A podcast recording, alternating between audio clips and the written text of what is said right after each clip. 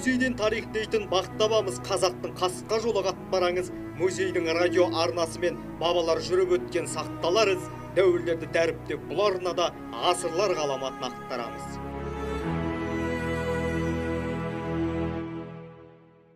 Қайырлы күн құрметті радио тыңдаушылар эфирде музей радиосы. Микрофон алдында әйгерім сейітбекқызы. Еліміздің солтүстік өңіріндегі иньяни дәуіріне тиесілі ботай қонысында жүргізілген қазба жұмыстары жылқының тұңғыш рет қазақстан аумағында қолға үйретілгендігін дәлелдеді. Жылқыны қолға үйрету арқылы біздің бабаларымыз өз дәуірінде адам айтқысыз үстемдікке ие болды. Ал жаһандық ауқымда алсақ шаруашылық пен әскери саладағы теңдессіз революцияға жол ашты. Ботай қонысын 1980 жылы петропавл қаласының тумасы қазақстандық археолог виктор зайберт ашқан болатын. Бүгінгі хабар ботай қонысы және ботайлық мәдениет турасында болмақ. Бүгін бізде қонақта тарих ғылымдарының докторы археология профессоры германия археология институтының және қазақстан республикасының әлеуметтік ғылымдар академиясының корреспондент мүшесі виктор федорович зайберт. Уважаемый Виктор Федорович, для меня большая честь видеть вас в студии радиомузея. И как первооткрыватель стоянки Бутай, расскажите, как начиналась история исследования стоянки? История открытия Батая. Да, да. Это произошло 40 лет назад. Угу. Тогда я выпускник Петропавловского педагогического института, Угу. учитель истории, Угу. Интересовался археологией. И после окончания я участвовал в археологической экспедиции, которой руководил знаменитый, сегодня известный на весь мир ученый, археолог, профессор, автор Аркаима знаменитого Геннадий Борисович Зданович. Он собрал нас, молодых ребят, студентов, школьников, и мы выехали в экспедицию. И вот в одной из разведок в 1969 году а, археологическая разведка – это поиски археологических объектов. Очень не- небольшое обмундирование, рюкзачок, лопата, нож. И мы отправлялись исследовать берега рек, озер, с тем, чтобы там найти артефакты. Ну, а по ним мы уже э, рисовали себе, как выглядел вот в 69 году у села Никольское на реке Иман-Бурлук, это приток Ишима, э, я увидел очень красивую э, природу. Сосновые колки, это небольшие леса, площадка, река. И я подумал, как хорошо здесь бы найти археологический. Ну, мы договорились, что завтра мы будем продолжать. Однако поступило распоряжение нашего учителя все бросить и ехать в Атбасар, чтобы там заняться тоже поисками стоянок и памятников. И вот там мы нашли большое количество памятников в других регионах. И 10 лет я занимался а, вот этой культурой новой, которую я назвал Атбасарская культура. И датировалась она восемью шестью тысячами лет. Мы раскопали более 200 стоянок, поселений, мастерских, представили себе, что такое неолит северного Казахстана. Тогда это было белое пятно. Ну и когда закончили в 80-м году эту культуру, мы задали себе вопрос, а что дальше? Какова история после неолита? Каменный век, но между ним тоже есть эпоха.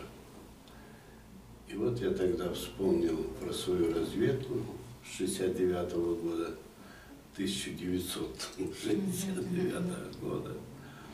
И говорю своим помощникам, лаборантам, вот, ребята, поезжайте в село Никольское по Кочетавской трассе, и там есть интересное место, посмотрите, там должен быть археологический объект. Они поехали, через три дня приехали, привезли вот э, такую, я бы сказал, кучу материала в такой вот большой кепке, в шляпе. И я увидел, что это совершенно новое. Они говорят, Виктор Федорович, ну, просто не повезло нам. Я говорю, а в чем? Да все разрушено там, там уже ничего нет. Ну, конечно, мы, мы ребята были умненькие, но все равно еще мало профессиональные. Я уже, конечно, их не слушал, мы загрузили свой археологический скарб в автобус, сели в него же и поехали навстречу нашего открытия. Мы приехали ночью, в 5 часов утра я встал, посмотрел и увидел панораму поселения. Зеленые пятна отжились, красота неописуемая, солнце, лес зеленый блестит. Это все было очень-очень романтично. И когда мы спустились, стали копать, собирать материалы, мы поняли, что мы открыли новую эпоху. Это было село Никольское, но мы назвали памятник поселением Ботай. Почему Ботай? Потому что я сразу сказал и ребятам, и властям, которые фиксировали этот объект, почему не у села Никольское, потому что мир должен узнать Батай как источник, памятник Казахстану. Так это и произошло, и сегодня, конечно, наше удачное название определяет бренд этого названия, бренд Казахстана, казахской степи. И это получилось. Отлично. Виктор Федорович, вы наверняка, изучая археологические памятники Северного Казахстана, в некотором плане изучали тоже памятники Южного Казахстана. В чем состоит схожесть или есть некоторые отличия в культурах, например, вот Житасарской, Атбасарской или Бутайской? Когда я исследовал, анализировал уже атбасарскую культуру, Этим я теорией занимался уже в Москве в рамках аспирантуры Академии наук. И там работали ученые, которые занимались изучением джабела, гисарской культуры, это, э, кельтиминатской культуры, виноградов и, и другие известные вот в этой зоне ученые. Э, я видел очень много общего. Общего, прежде всего, в материалах мезолита, неолита, палеолита. Э, и понимал, трудно было понять в молодости, что вот такие огромные пространства могут быть объединены очень общей культурной идеей. Мы всегда человека древнего ограничивали, всегда думали, что мы очень умные, мы умнее, а они не способны это делать. Но потом, после изучения и в процессе изучения Батая поняли, что э, древний человек ничем не отличался от современного в полной мере.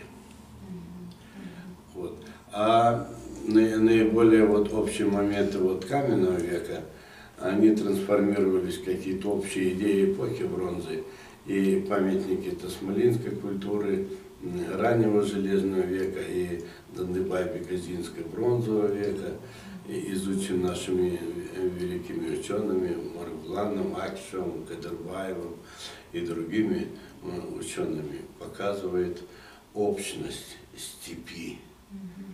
А сама степь разнообразна. Почему я приехал вот сюда прежде всего?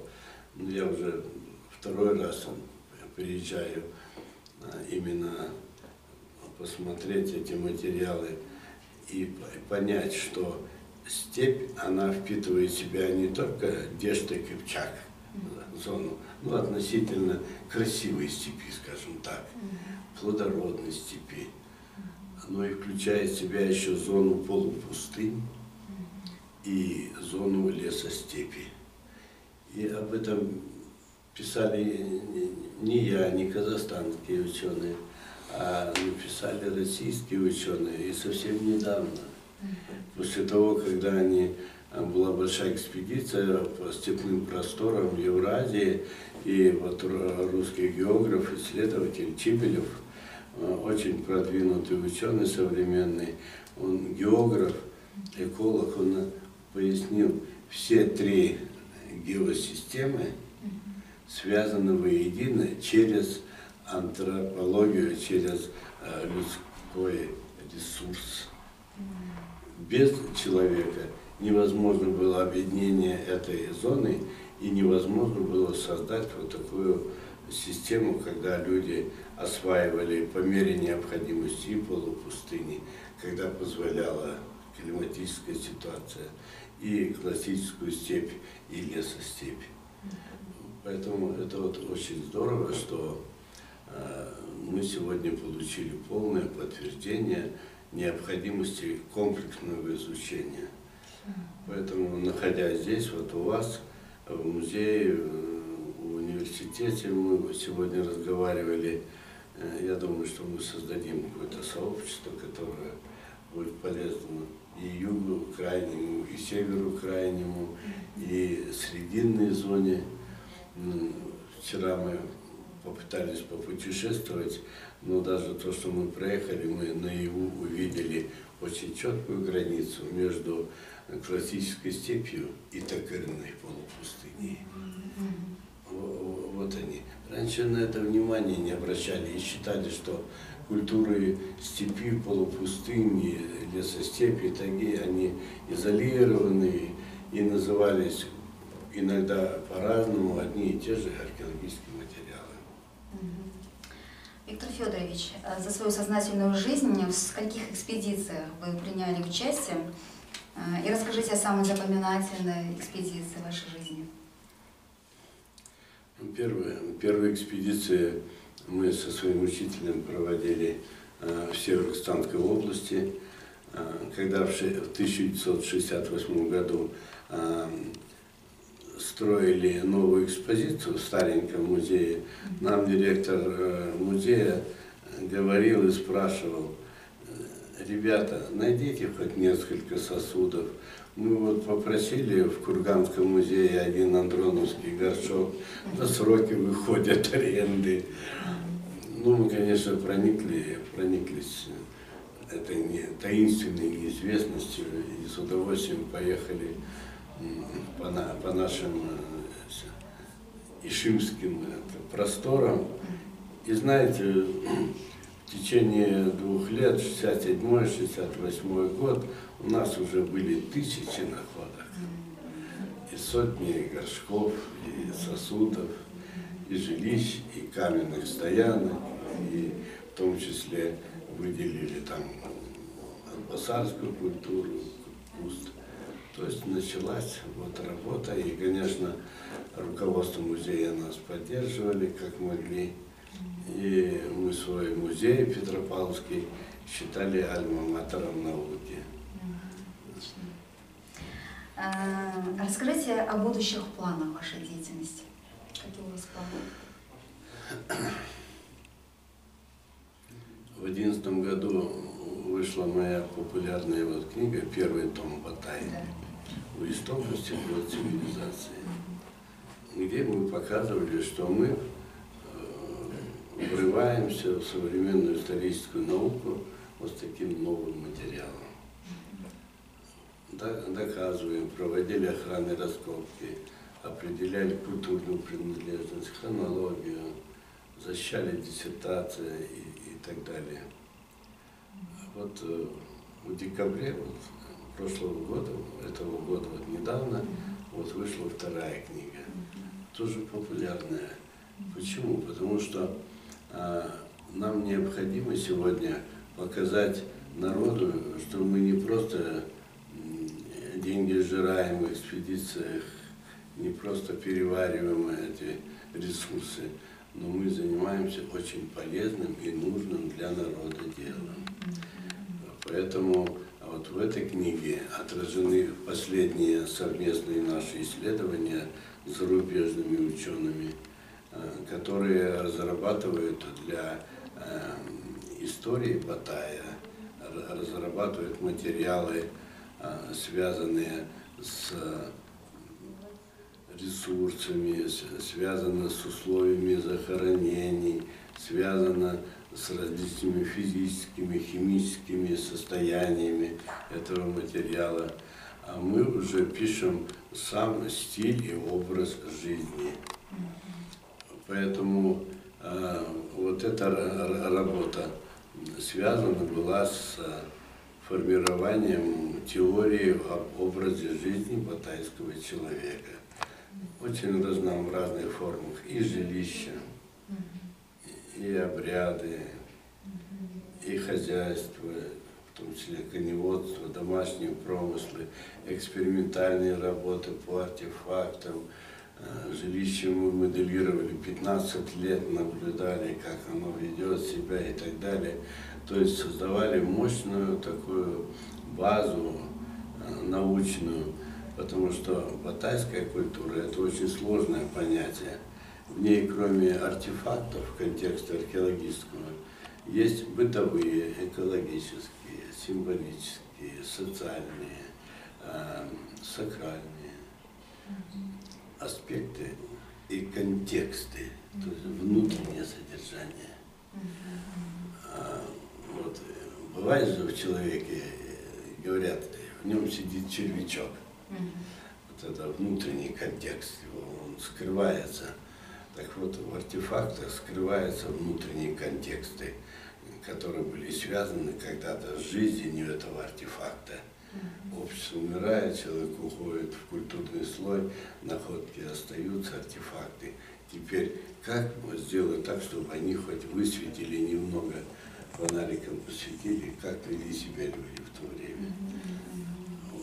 Вот это, этим контекстом а, мы занимались последние 10-15 лет. Почему? Потому что а, археология состоит из двух этапов. Один этап – ремесло археологическое. Найти памятник, раскопать, поднять, написать отчет. Вещи положить или на полку, или в экспозицию музея. А вот дальше идет уже творчество. И как раз анализ, поиски э, и создание теории через причинно-следственные методологические и философские аспекты вот этой самой реальной жизни. И э, мы имеем сейчас свои задачи очередные. Это создать общую модель развития энеолита в Казахстане и сопредельных территориях, как раз в рамках вот этой вот географической троичной системы. Вот. А в плане истории степной цивилизации я сейчас занимаюсь вопросами бренда Э, казахской архитектуры, э, батайской архитектуры как матрицы степной цивилизации. Потому что эту архитектуру мы обнаружили э, пока под, по интернету, обнаружили во всех горных зонах планеты.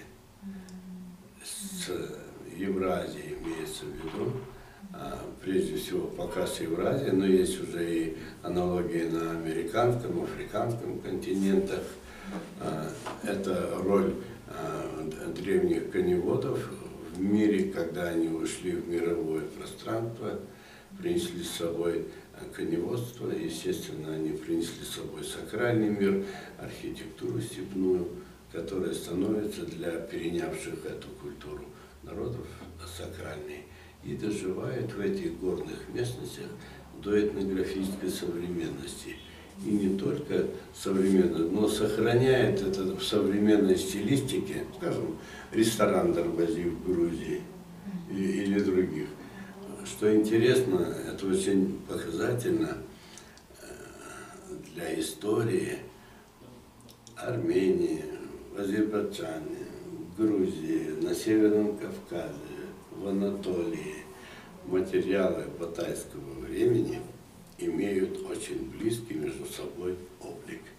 Значит, вся предыстория части народов, которые сегодня э, находятся иногда в таком агрессивном состоянии, свою общую историю, значит, у них есть ресурс возврата к истокам дружбы и к истокам толерантности внимания. Это вот все исторические уроки. Спасибо. А, Виктор Федорович, в конце нашей беседы, что бы вы хотели пожелать юным археологам, молодым ученым, как Аксакал археологии? На этот вопрос я всегда отвечаю, что я еще не аксакал, я играющий тренер. Мгм, Вот так немножко, Мгм. шуткой. мгм. И, и, конечно, советы однозначно. Нужно изучать этот мир, в который ты пришел благодаря Богу. Надо изучать и видеть, на какой земле ты живешь, смотреть под ноги, понимать запах своей земли. В конечном итоге э, любить свою землю, любить себя. В Казахстане очень важно воспитание общенационального патриотизма. Исторически сложилось так, что Казахстан и другие степные э, этносы, народы дожили до уровня понимания ценности рода. Иногда это мешает посмотреть на глобальный мир или защититься от глобального мира. А защититься от глобального мира можно только ценностями традиционной культуры. А культура должна быть воспитана, в свою очередь, на ценностях гуманитарного мира. Поэтому и уважаем мир, и любим себя. Отлично. Спасибо, Виктор Федорович. Мы от души благодарим вас за то, что вы согласились принять участие в нашем музейном проекте «Радио музея». И желаем вам творческих успехов, грандиозных археологических открытий. Всего вам доброго. Спасибо.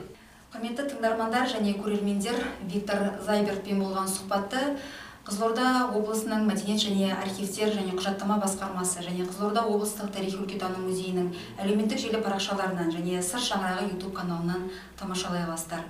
Музей радиосымен бірге болыңыздар.